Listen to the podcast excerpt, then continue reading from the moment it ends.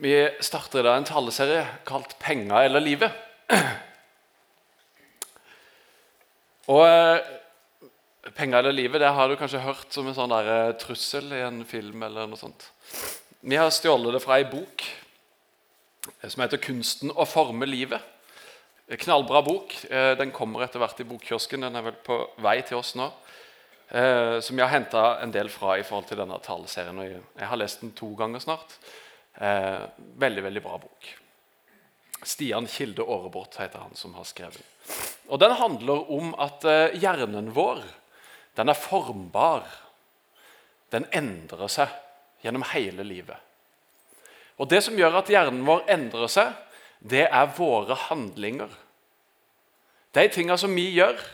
Når vi gjør en ting om igjen og om igjen, og om igjen, så dannes det baner i hjernen vår. Og så endrer det åssen vi tenker, det endrer holdningene våre, og det endrer åssen vi lever. Så hvis vi ønsker å gjøre noen endringer i livet vårt, så handler det om ikke bare å tenke de rette tankene. ja, jeg vet jo at det er riktig. Nei, vi må faktisk gjøre de tinga som vi ønsker. Og så vil det skje en endring når vi gjør noe annerledes. Så blir hjernen vår rett og slett omprogrammert på et vis. Og det funker gjennom hele livet. Hjernen vår er formbar hele livet. Så det er aldri for seint å endre. Å begynne en ny, god vane eller å slutte med en uvane. En må rett og slett bare gjøre noe annerledes. Og det er jo lettere sagt enn gjort. Å gjøre ting annerledes. Men det har skjedd noe med oss og hjernen vår de to siste åra. Jeg lærte akkurat forrige uke om pandemihjernen. Det var veldig interessant, syns jeg. For det har skjedd noe med oss. Ikke begynn å lese på det som står under, for det handler ikke om pandemihjernen. Det handler om det neste skal si.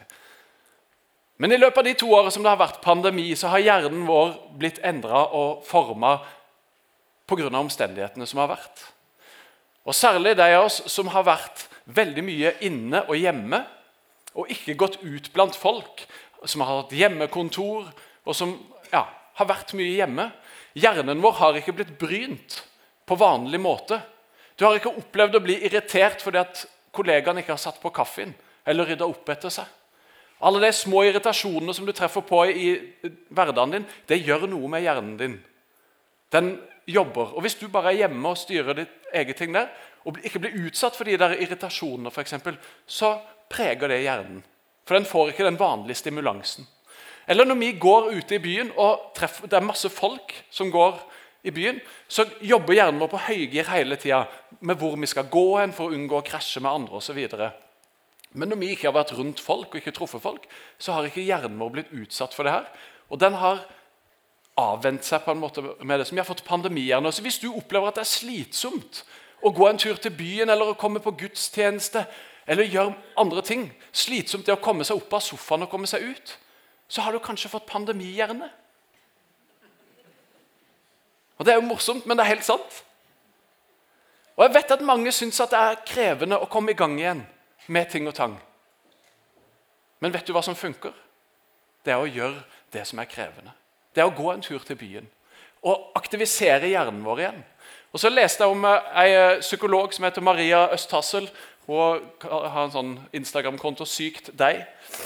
Eh, veldig bra. Men hun har sagt om fellesskap. da. Det å komme sammen, det å treffe andre, det å være sosial. Det er bra for fysisk og psykisk helse.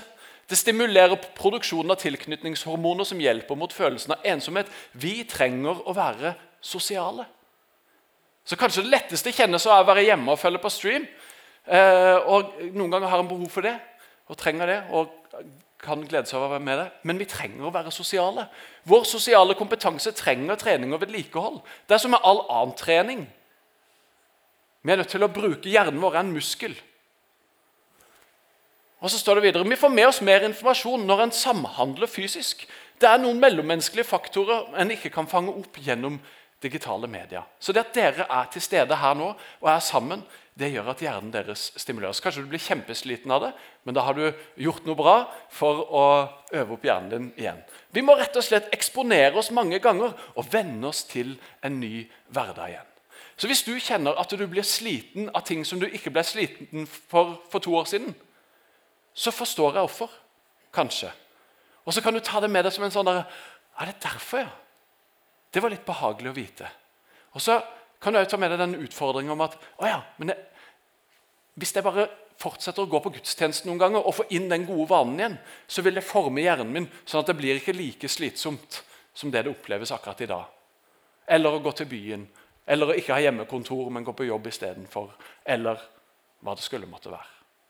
Så ta det med som en oppmuntring til at å ja, kanskje det er derfor jeg syns ting er litt mer krevende nå enn det jeg gjorde før. Og jeg kan Og så ta noen små steg. Ikke tenk å, nå skal jeg rett tilbake til det gamle livet og bare overloade hjernen. Nei, finn noen små steg som du kan ta. Og være en del av fellesskapet. Det var, det, det var noe helt egentlig på sida, men det handler jo om dette med hjernen. og At hjernen er formbar. Og dette med at gode vaner, eller uvaner for den saks skyld, det preger oss og livet vi lever, og hvordan vi kan være med å forme hjernen vår. Endre på den til det bedre. Og Vi har gått inn i fastetida nå. Fram til påske så er det fastetid. og Det er noe som ja, protestantiske kristne sånn som oss ikke har brydd oss så veldig mye om. egentlig, med å faste sånn. Vi har fokus på første påskedag, oppstandelsen og gleden og jubelen. Og så koser vi oss med fastelavnsboller og karneval. Og så Perioden imellom er ikke så veldig nøye. Men jeg tror at vi går glipp av utrolig mye. Jeg tror vi har så mye å hente på å rette litt fokus på fasten. Og Fasten er en forberedelsestid til påske. Eh, og Det peker også på Jesus. Han ble døpt, og så ble han ført ut i ørkenen. Og Så fasta han i 40 dager, og så ble han frista av djevelen der. Og Det forberedte Jesus til hans gjerning, til det han skulle gjøre. Utrolig viktig tror jeg, de 40 dagene som Jesus fasta der. Og de fristelsene han ble utsatt for, det han ble utsatt for der, det var med å forme han og klargjøre han. Og Fastetida er en sånn tid som er ypperlig for oss, tror jeg. Til å se over livet vårt. Til å evaluere åssen vi lever. Hva bruker vi tida vår på? Hva bruker vi pengene våre på? Og åssen lever vi? Det er rett og slett en sånn serviceperiode. Bilen din må på service, få en sjekk. Livet ditt og mitt trenger en service. Og Fastetida kan være den årlige servicesjekken der en kikker litt på åssen står det egentlig til. Har jeg behov for å gjøre noen endringer? Og så er fastetid en mulighet for å stoppe opp med noen ting og begynne med noe annet. For eksempel. Faste har jo ofte dreid seg om å ikke spise i perioder eller ikke spise noen forskjellige ting. Det kan gjerne være. Kutte ut et eller annet å spise. Men en kan like gjerne faste fra andre ting. Noe som du kjenner at ah, 'Dette bruker jeg for mye tid på', eller 'dette har jeg ikke godt av'. Eller 'dette har jeg egentlig veldig lyst til, men jeg har lyst til å avstå fra det for en periode' for å kjenne på noe annet. For jeg tror at den lidelsen som vi får kjenne litt på i fasen, å avstå fra noe som vi egentlig har lyst til, eller lyst på, det gjør, at, det gjør noe med oss, det gjør noe med tankene våre.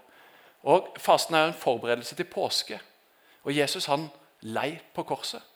Og der, Når vi faster fra noe, når vi velger å avstå fra noe, så gjør det noe med vårt fokus. Hver gang Hvis du ikke spiser uh, mat, da. Hver gang du blir sulten, så vil det automatisk liksom minne deg på hvorfor er det jeg går rundt og er sulten. Jeg er faster. Ja, det er Jesus, ja. Det er det han gjorde for meg på korset. Tenk at han var villig til å lide for min skyld. Tenk all den lidelsen som Jesus gikk igjennom for din og min skyld. Og Så kan vi kjenne litt på det sjøl. Jeg har hørt om noen som går med en spiker i lomma, som stikker de litt i låret, og så minner det de på naglene som gikk gjennom Jesu hender, f.eks. Altså, det er mange måter som en kan minne seg sjøl på hva er det Jesus har gjort for oss. Og Fastetida er ypperlig sånn. Og så kan en gjøre opp regnskap. Og Kanskje de ukene her oppleves som sånn der, ja, en skal gjøre sånn og sånn, og strevsomt og alt mulig sånn. Som jeg sa i stad med pandemien, gjør noen små justeringer hvis det er nødvendig.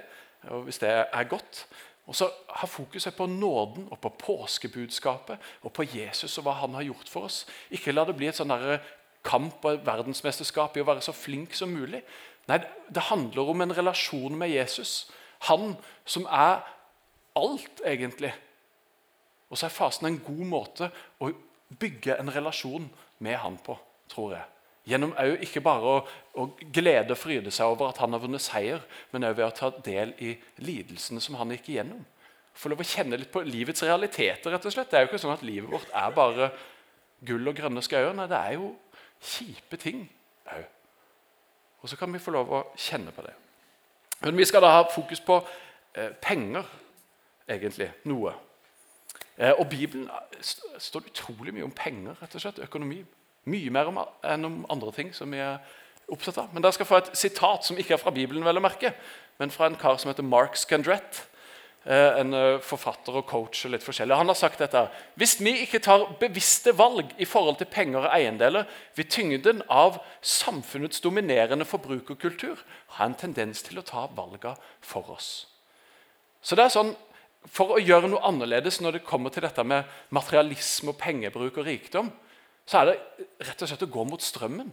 For Hvis ikke vi har et bevisst forhold til det, hvis ikke vi har en tanke rundt det, hvis ikke vi gjør opp regnskap og kikker på hva bruker egentlig pengene mine på, så vil vi bare preges av reklamen, av vennene våre, av omgivelsene våre i veldig stor grad. Og så gjør vi det samme som alle andre. Så hvis du ønsker at dine penger skal bli brukt på en god måte for du og for andre rundt deg, så er det å gjøre bevisste valg med pengene dine og faktisk å gjøre noe. Og ikke bare ja, jeg har lyst til å være raus og dele med andre, eller gi til menigheten, eller gi masse til Ukraina. Eller. Men hvis ikke en gjør det, så, så forblir det bare en god tanke, og den har ikke så mye verdi. Det er det vi gjør, som utgjør en forskjell, og som òg former oss. Så vi vil ha fokus på de tingene her med å ja, ta gode valg i forhold til pengene våre og forvalte hvordan vi forvalter pengene våre. Nå skal vi gå over i Bibelen, for det står som sagt mye i Bibelen om penger. Men vi skal holde oss til ett skriftsted i dag, og det er 1. Timoteus brev, kapittel 6. Hvis du har med Bibel, så kan du finne fram den. Og Da skriver Paulus et brev til Timoteus, og Timoteus det var liksom lærlingen til Paulus, som han lærte opp. Så han skriver mye fint til eh, Timoteus. Også I den menigheten som Timoteus var, Efesos, var det vel, så var det noen som hadde begynt å komme med en sånn annen lære som Paulus adresserer. Og Det de bl.a. var opptatt av, det var å bli rike og få stor velstand. Og så brukte de på en måte evangeliet til å skaffe seg sjøl de her tinga. Det fins jo noen av dem i vår tid òg. Men her står det i 1. Timotius ja, gudsfrykt med nøysomhet. For de, de, brukte gudsfrykten, det å respektere Gud og det å leve etter Guds vilje, til å liksom ta til seg sjøl. For stor vinning økonomisk sett. Bli rike og få et stort og fint hus og sånne ting brukte det på feil måte, så adresserer Paulus det. Så ser jeg gudsfrykt med nøysomhet. Å være nøysom det er å være tilfreds med å ha lite. Å klare seg med lite. Å være fornøyd med det og ikke alltid ville ha mer. Gudsfrykt med nøysomhet er en stor vinning. For tomhendte kommer vi inn i verden, og tomhendte må vi forlate den. Har vi mat og klær, skal vi nøye oss med det. Hva tenker du når du leser det verset? Hvilke tanker er det som flyr gjennom ditt hode? Hvilke følelser er det som treffer deg? Har vi mat og klær, skal vi nøye oss med det. Jeg tror at dette er kanskje vår største utfordring i vårt samfunn. Og for oss som kristne den største synden som vi faller i igjen og igjen, det er den økonomiske. Det er materialismen. Det er Hvem er det egentlig jeg setter min lit til? Er det økonomisk trygghet? Er det de tinga som jeg har, eller er det Gud? Hvem er Gud egentlig for oss? Og jeg tror veldig ofte, inkludert meg sjøl, så er det materialismen som er min Gud. Det er den jeg stoler på, det er den jeg setter min lit til. Og Det er noe av det som vi skal adressere her. Men nøysomhet det løftes opp som et ideal, som en verdi, som er noe å ta vare på som er noe å hegne om. Det å klare seg med lite. Og jeg tror at I Norge så var vi mye mer nøysomme før. Vi fiksa klær som har gått i stykker. Nå hiver vi de og kjøper nye. Ikke sant? Så enkle, små ting som det. Stoppe sokker. Opp med handa, alle som gjør det. Vi unge skjønner ikke hva det betyr engang. Stoppe sokker, er det? Det er å sy igjen et hold. Eh, ikke sant? Men vi har det jo veldig godt sånn sett. Vi kan liksom bare sløse med pengene våre, egentlig. Men tenk å kunne leve nøysomt når en egentlig ikke må. Det er det storkraftige, tror jeg. Og ikke bare sløse fordi at vi kan. Og så er det en eh, kar som heter uh, ja, GK, ble det sånn, Chesterton. Han har sagt det er to måter å få nok på. Den ene er å fortsette å karre til seg mer og mer. Den andre er rett og slett å ønske seg mindre. Og Veldig ofte så karrer vi til oss mer og mer. Vi vil ha mer og mer hele tida, vil vi ikke vel? Men kanskje han blir enda mer fornøyd med å slå seg til ro med at ja, jeg trenger ikke så mye. At det gir oss en større glede. Skal vi lese videre i teksten vår, et par vers til. For der står det men de som vil bli rike. Det er det sikkert mange av oss som vil. Og det, tenker jeg det her, det kommer inn noe av den der, ja, synden som vi er, har rundt oss så enormt i vår vestlige kultur. Fordi vi har stor velstand. De som vil bli rike, de faller i fristelser og snarer og gripes av mange slags tåpelige og skadelige begjær som styrter ned, mennesker ned i undergang og fortapelse. For kjærligheten til penger er roten til alt ondt. Drevet av den er mange ført vill bort fra troen og har påført seg sjøl mange lidelser. Det er altså ikke pengene i seg sjøl som er roten til alt ondt. Tenk på alle pengene som blir gitt nå til Ukraina. Hvor mye godt som kommer ut av dem.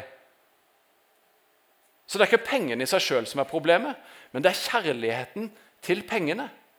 Det er hvilket forhold vi har til pengene våre, til eiendelene våre, til rikdommen vår. Hva gjør vi med det som er blitt gitt? Hvordan forvalter vi økonomien vår? Og Vi snubler igjen og igjen og igjen, tror jeg. Vi vil stadig vekk bli rike. Vi ønsker å få mer og større og bedre. Fordi at det gir oss en sånn utrolig god følelse. Det er så deilig å kjøpe noe nytt. Er dere ikke enig? Du får det derre rushet. 'Å, så har jeg fått ny.' Og hvor lenge varer det egentlig? Ei uke? To uker? Det er ikke så lenge bilen er ny. Eller mobiltelefonen. Så får vi lyst på noe nytt og noe bedre og noe større.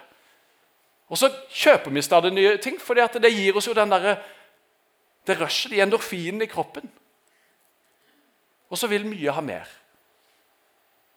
Men så blir vi ikke fornøyd med det. Vi blir ikke tilfreds.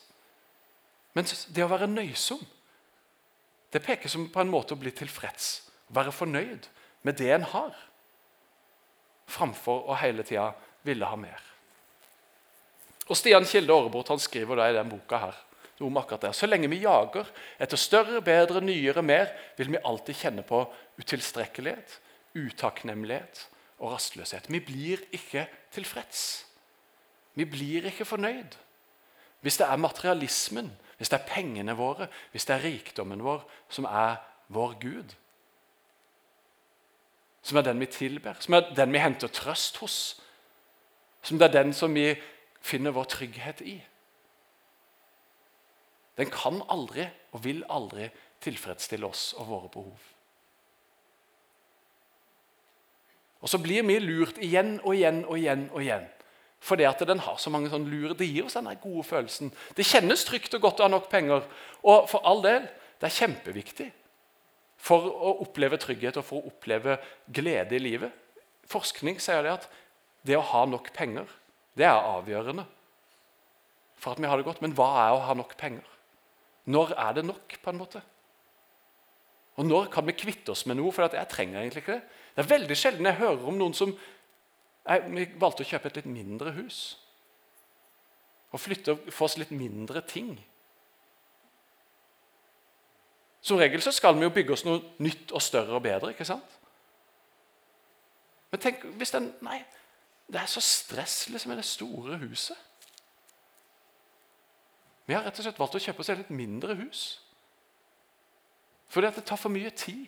Vi må ha for mange ting. Det er for mye ja, å holde styr på. Det er ganske radikale greier i vår tid. Men jeg tror at det mange ganger kan ha noe å si. Eller ja, nei, Jeg skal ikke gå inn på det nå. Det får bli en annen gang. Og Så er det ett ord som jeg har lyst til å trekke fram her. og Det er det tredje siste utakknemlighet. For jeg tror nemlig at Hvis vi sløyfer den u-en, så har vi en nøkkel og et svar på mange av de tingene her. Hvordan skal vi kunne bli mer nøysomme? Og hvordan skal vi kunne slå oss til ro og være takknemlige eller tilfreds med det som vi har? Og ikke hele tida søke nytt og mer og bedre. Og Jeg tror nemlig at takknemlighet er en kjempestor nøkkel her. Hvis vi har mer fokus på å være takknemlige for det vi allerede har, enn å ønske oss det som vi ikke har, så tror jeg at det vil gjøre noe fundamentalt i hjertet vårt. Hvis det er hver dag står opp og sier takk, takk Takk for at jeg har et hus å bo i. Takk for at jeg har en jobb å gå til. Takk for at jeg har mat på bordet. Takk for at jeg har en seng å sove i. Takk for at jeg har dyne å bre over meg. Og nå blir jeg rørt bare for det. Tenk på alle de menneskene som ikke har de tingene som vi tar som en selvfølge. Har du prøvd, har du, det gikk opp for meg en dag jeg stod og skulle lage kaffe hjemme og satt på springen og skulle fylle vann. Og så tenkte jeg tenk om jeg tok opp den springen, og så kom det ingenting ut. Tenk hvilke konsekvenser det hadde fått for min hverdag og mitt liv. Og ikke bare kunne slå på springen, og så kommer det kaldt eller varmt vann ut. Jeg kan velge. Så er det rent, og så er det godt. Og så kan jeg vaske meg med det, og så kan jeg lage kaffe. Og så trenger jeg det til så utrolig mye. Tenk hvis ikke det var der. Da hadde det gjort noe med meg. Men hvorfor takker jeg ikke for vannet hver eneste dag, da? Det burde være en selvfølge når jeg skrur på krana. Takk Gud for at jeg har rent vann. Og så klager vi på et eller annet med vannet, eller hva det skulle være. Ikke sikkert vi klager så mye på vann, men vi klager og leter etter at noe kunne vært bedre. Noe som ikke vi har. Og så har vi så enormt mye. Og så blir det heldigvis hva skal jeg si, det er stygt å si, men For oss så merker vi det litt når vi ser hva som skjer i Ukraina nå. For jeg tror det, det, det gjør at vi forstår at det kunne jo like gjerne vært oss. Som var drevet på flukt, og som mister alt de eier og har. Og som lever i frykt og krig. Bare det er jo så utrolig mange ting å takke for. Takk for fred. Takk for fred. Vi har så uendelig mye ting å være takknemlige for. Og jeg tror at hvis vi har stort fokus på å være takknemlige, så gjør det noe med oss, og så gjør det noe med forholdet vårt til tingene våre. De blir ikke så viktige lenger, og vi får ikke det behovet for å få mer. Men vi er takknemlige og tilfreds for det vi har, selv om vi kunne hatt noe bedre. Ja, Takk Gud for at jeg har en bil. Jeg kunne hatt den finere, kulere og bedre. Men takk for at den funker. Takk for at den starta i dag igjen. Jeg tror det er en supernøkkel for oss. Og jeg tror at dette er en, egentlig et mye større problem enn vi forstår. Og jeg tror Det er fascinerende at den boka, de tekstene som ble skrevet for 2000 år siden, er så fulle av historier om rikdom og hva rikdom gjør med en. At det må jo ha vært like aktuelt i den tida. Men jeg tror at bare nå så er det enda mer.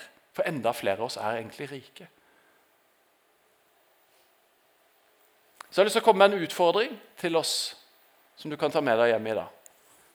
Og til uka som ligger foran. Og Det er å stille deg selv spørsmålet hva er du takknemlig for. Og Jeg tror du trenger mange ark hvis du skal få skrevet det opp alt sammen. hvis du vil skrive det ned. Men hva er du takknemlig for? Og hva kan du si takk for? Og begynne å si ja, konkret og være takknemlig. Og Da handler det om å gjøre hvis en vil forme hjernen sin. Ok, bestemme seg, da. Jeg vil takke når jeg våkner på morgenen eller når jeg legger meg på kvelden. Hva har jeg vært å være takknemlig for i dag? Og Det vil gjøre noe med oss. Og Den andre utfordringen er hvordan forvalter du pengene dine? Og Helt konkret, gå inn i nettbanken, sjekk februar måned. List opp hva brukte jeg pengene mine på. Og Jeg tipper at du har en tanke om hvordan du ønsker å forvalte pengene dine. Jeg har i hvert fall det. Jeg ønsker å gi. Og jeg har en tanke om at jeg ønsker å gi mye, og kanskje til og med en, en andel av uh, så mye jeg tjener, som jeg har lyst til å gi. Og Hvis jeg går inn i nettbanken, så kan jeg jo faktisk sjekke gir jeg så mye som det jeg har lyst til. Eller bruker jeg mye mer penger på meg sjøl? På å kjøpe mat til meg sjøl, eller klær til meg sjøl, eller ting, eller Rett og slett gå igjennom. Bruk tida framover på å gjøre opp regnskap. Hva er det jeg bruker pengene mine på? Og så ser du kanskje at oi, her må vi gjøre noen endringer. Dette må vi endre på. Her må vi begynne å ja, gjøre noe annerledes.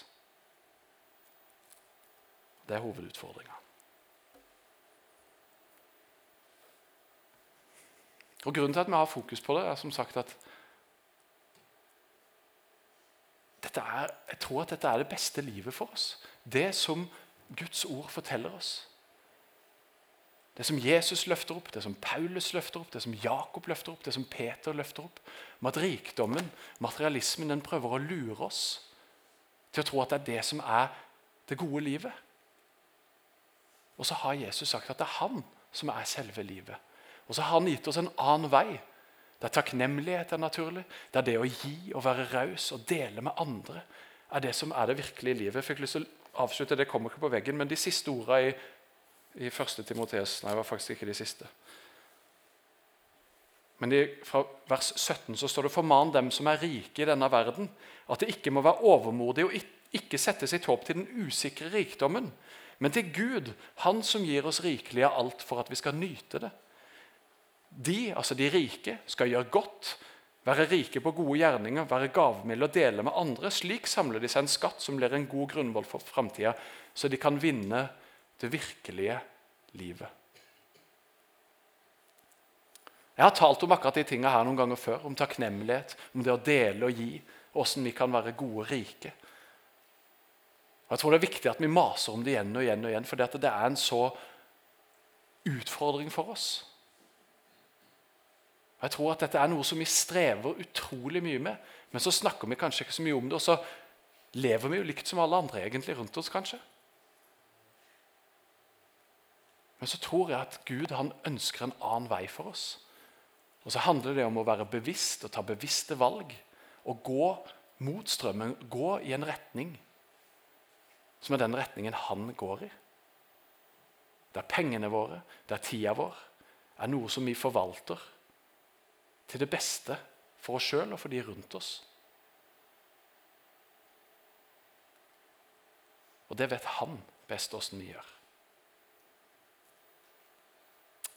Jeg har lyst til å be en bønn til slutt og ta med dere den utfordringa. Gode Gud, jeg takker deg for at du er en god Gud. Jeg takker deg for at du vil det beste for oss. Jeg takker deg for at du elsker oss og kjenner oss. Jeg takker deg for at du var villig til å lide og gå i døden for vår synd og vår skyld. Takk for at du ser en nåde til oss. Og må du tilgi oss, Herre Jesus, for at vi igjen og igjen går imot din vilje. For at vi igjen og igjen går vår egen vei. For at ikke vi forvalter og bruker de tingene som du har gitt oss, alle de velsignelsene som du har gitt oss, de gavene og evnene og talentene som du har gitt oss. At vi bruker dem på oss sjøl og det vi tror er til det beste for oss, framfor å følge din vei. Herre, må du lede oss, må du tale til oss og må du hjelpe oss, sånn at vi kan være gode forvaltere av det som du har gitt oss. Sånn at det blir til det beste for oss, og sånn at det blir til det beste for de rundt oss. Gi oss frimodighet og hjelp oss å være radikale når du kaller oss til å gjøre endringer. Og Jeg takker deg for at du ser i nåde til oss og hjelper oss. I Jesu navn.